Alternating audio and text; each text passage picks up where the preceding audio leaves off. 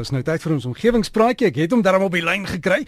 En goeiemôre aan ons groen professor, professor Kobus van der Walt. Hoe gaan dit vanmôre? Dit met my gaan dit baie goed, dankie. Beter as met die telefoonlyne lyk dit vir my. Dit is 'n bietjie koud, die syne wil nie deurkom. Ja, ou Vanus het altyd gesê dit is 'n uh, nat coil of 'n ding of was 'n mossie op die draad of so iets, jy weet. Ja, ja, ja ek kry 'n bietjie hard vanoggend. Hy bewe seker 'n bietjie so die die syne kom nie deur nie, maar kom ons kyk na die diere, Derek. Ek wil jous vanoggend bietjie gesels oor Ehm um, 'n interessante ding wat ek onlangs raak gelees het en dit gaan oor hoe sterk 'n sjimpansee werklik is. Nou ek het baie keer die storie al gehoor dat 'n volgroeide sjimpansee 5 keer so sterk soos 'n normale man is en dat hulle daarom baie gevaarlik is. En die rede wat daarvoor gegee is is dat 'n sjimpansee se spiere nou uit 'n ander tipe vesel saamgestel is as menslike spiere. Maar nou het 'n navorser aan die Universiteit van Massachusetts vir die eerste keer gaan meet, regtig gaan meet hoe sterk 'n sjimpansee regtig is. En die resultate wys dat 'n sjimpansee maar net 1 en 1/3 keer so sterk is as 'n man. Um as mens nou spiere van vergelykbare grootte vergelyk. Nou daar's twee tipe spierweefsel. Die een is 'n uh, weefsel wat vinnig reageer en vinnig kan beweeg, maar wat terselfdertyd ook vinnig uitgeput word. En die ander tipe spierweefsel is stadiger maar met 'n goeie uithou vermoë en hierdie verskillende tipe spierweefsel is natuurlik die groot verskil tussen 'n maratonatleet en 'n 100 meter atleet. Nou as mens nou na 'n sjimpansee kyk dan het hulle tipies omtrent 2 keer soveel vinnige spierweefsel as mense. Wat beteken dat hulle gemiddeld bietjie vinniger as 'n mens kan beweeg en bietjie sterker is, maar ook dat hulle dat hulle baie gouer moeg sal word as mense. Maar nou is dit nogal interessant, ek het 'n bietjie verder gaan kyk na die relatiewe krag van verskillende diere in vergelyking met 'n normale mens se krag. Nou 'n gemiddelde gesonde man kan omtrent 70 kg van die grond af tot by sy bobene oplig, die sogenaamde deadlift. Uh in 'n uh, so tipe so man sal ook maar omtrent net 45 tot 50 kg bo kan sy kop kan oplig. Dis nou die gewone normale ou wat nou nie vreeslik in gimnasiums rond lê nie. Maar as mens nou in 'n gimnasium oefen, dan word jy natuurlik baie sterker. En ons sien dit as ons na die huidige wêreldrekords vir gewig optel kyk. Vir die sogenaamde deadlift, met ander woorde van die grond af tot by jou bobene, staan die rekord op 'n verstommende 457,5 kg. En die maksimum gewig wat 'n man bo kan sy kop kon uitstoot is 263,5 kg. Uh, wat wys dat as mens nou gefokus oefen in 'n gimnasium, jy jou krag met nagenoeg 6 keer kan vermeerder. En enige sjimpansee sal natuurlik veel swakker wees as so 'n kragreus.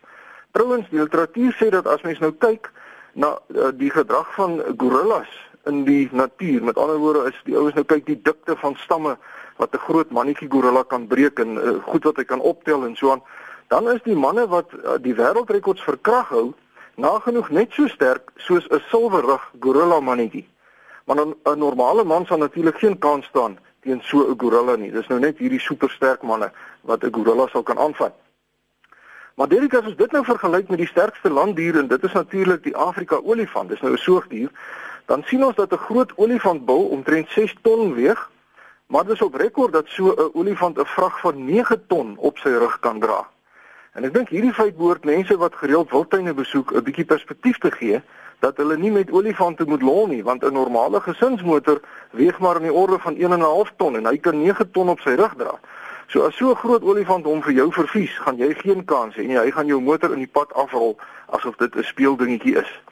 Maar die algehele koning van krag, as mens nou na die krag van 'n organisme in vergelyking met sy liggaamsgrootte kyk, is in teenstelling met wat baie mense glo, nie die muur nie. Nou 'n muur is verskriklik sterk. Hy het die verstommende vermoë om 50 keer sy eie liggaamsgewig te kan dra.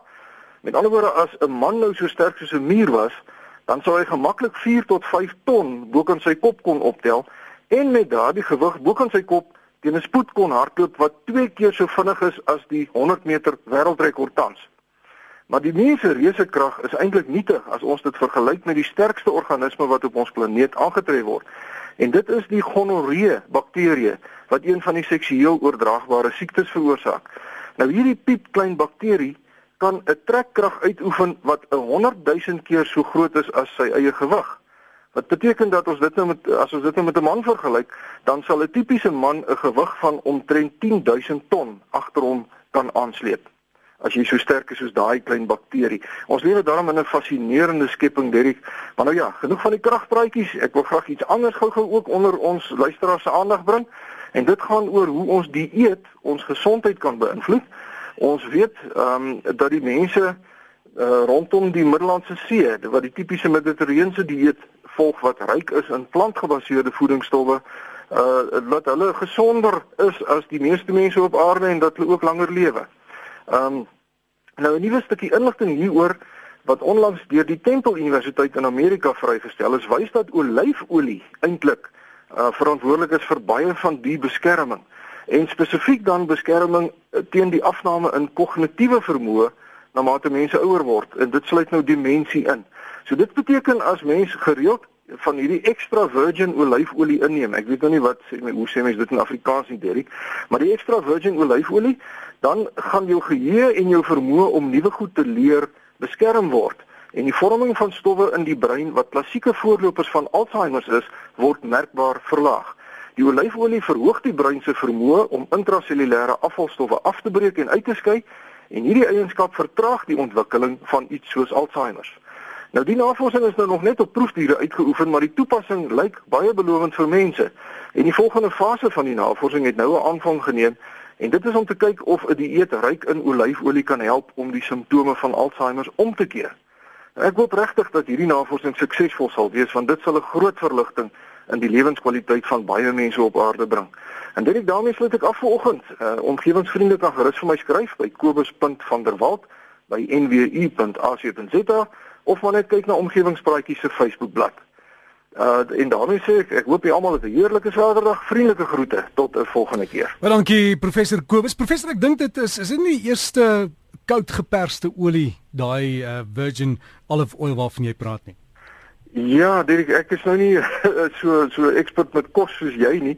So ek ek ken nou ongelukkig nou nie die Afrikaanse term nie. Ek uh, Ek het dit probeer vertaal, maar toe klink dit of ek van iets heeltemal anders praat. Ja, nee, ek weet nie. Iemand sal hulle vir ons SMS, maar baie dankie professor, alles van die beste en lekker naweek.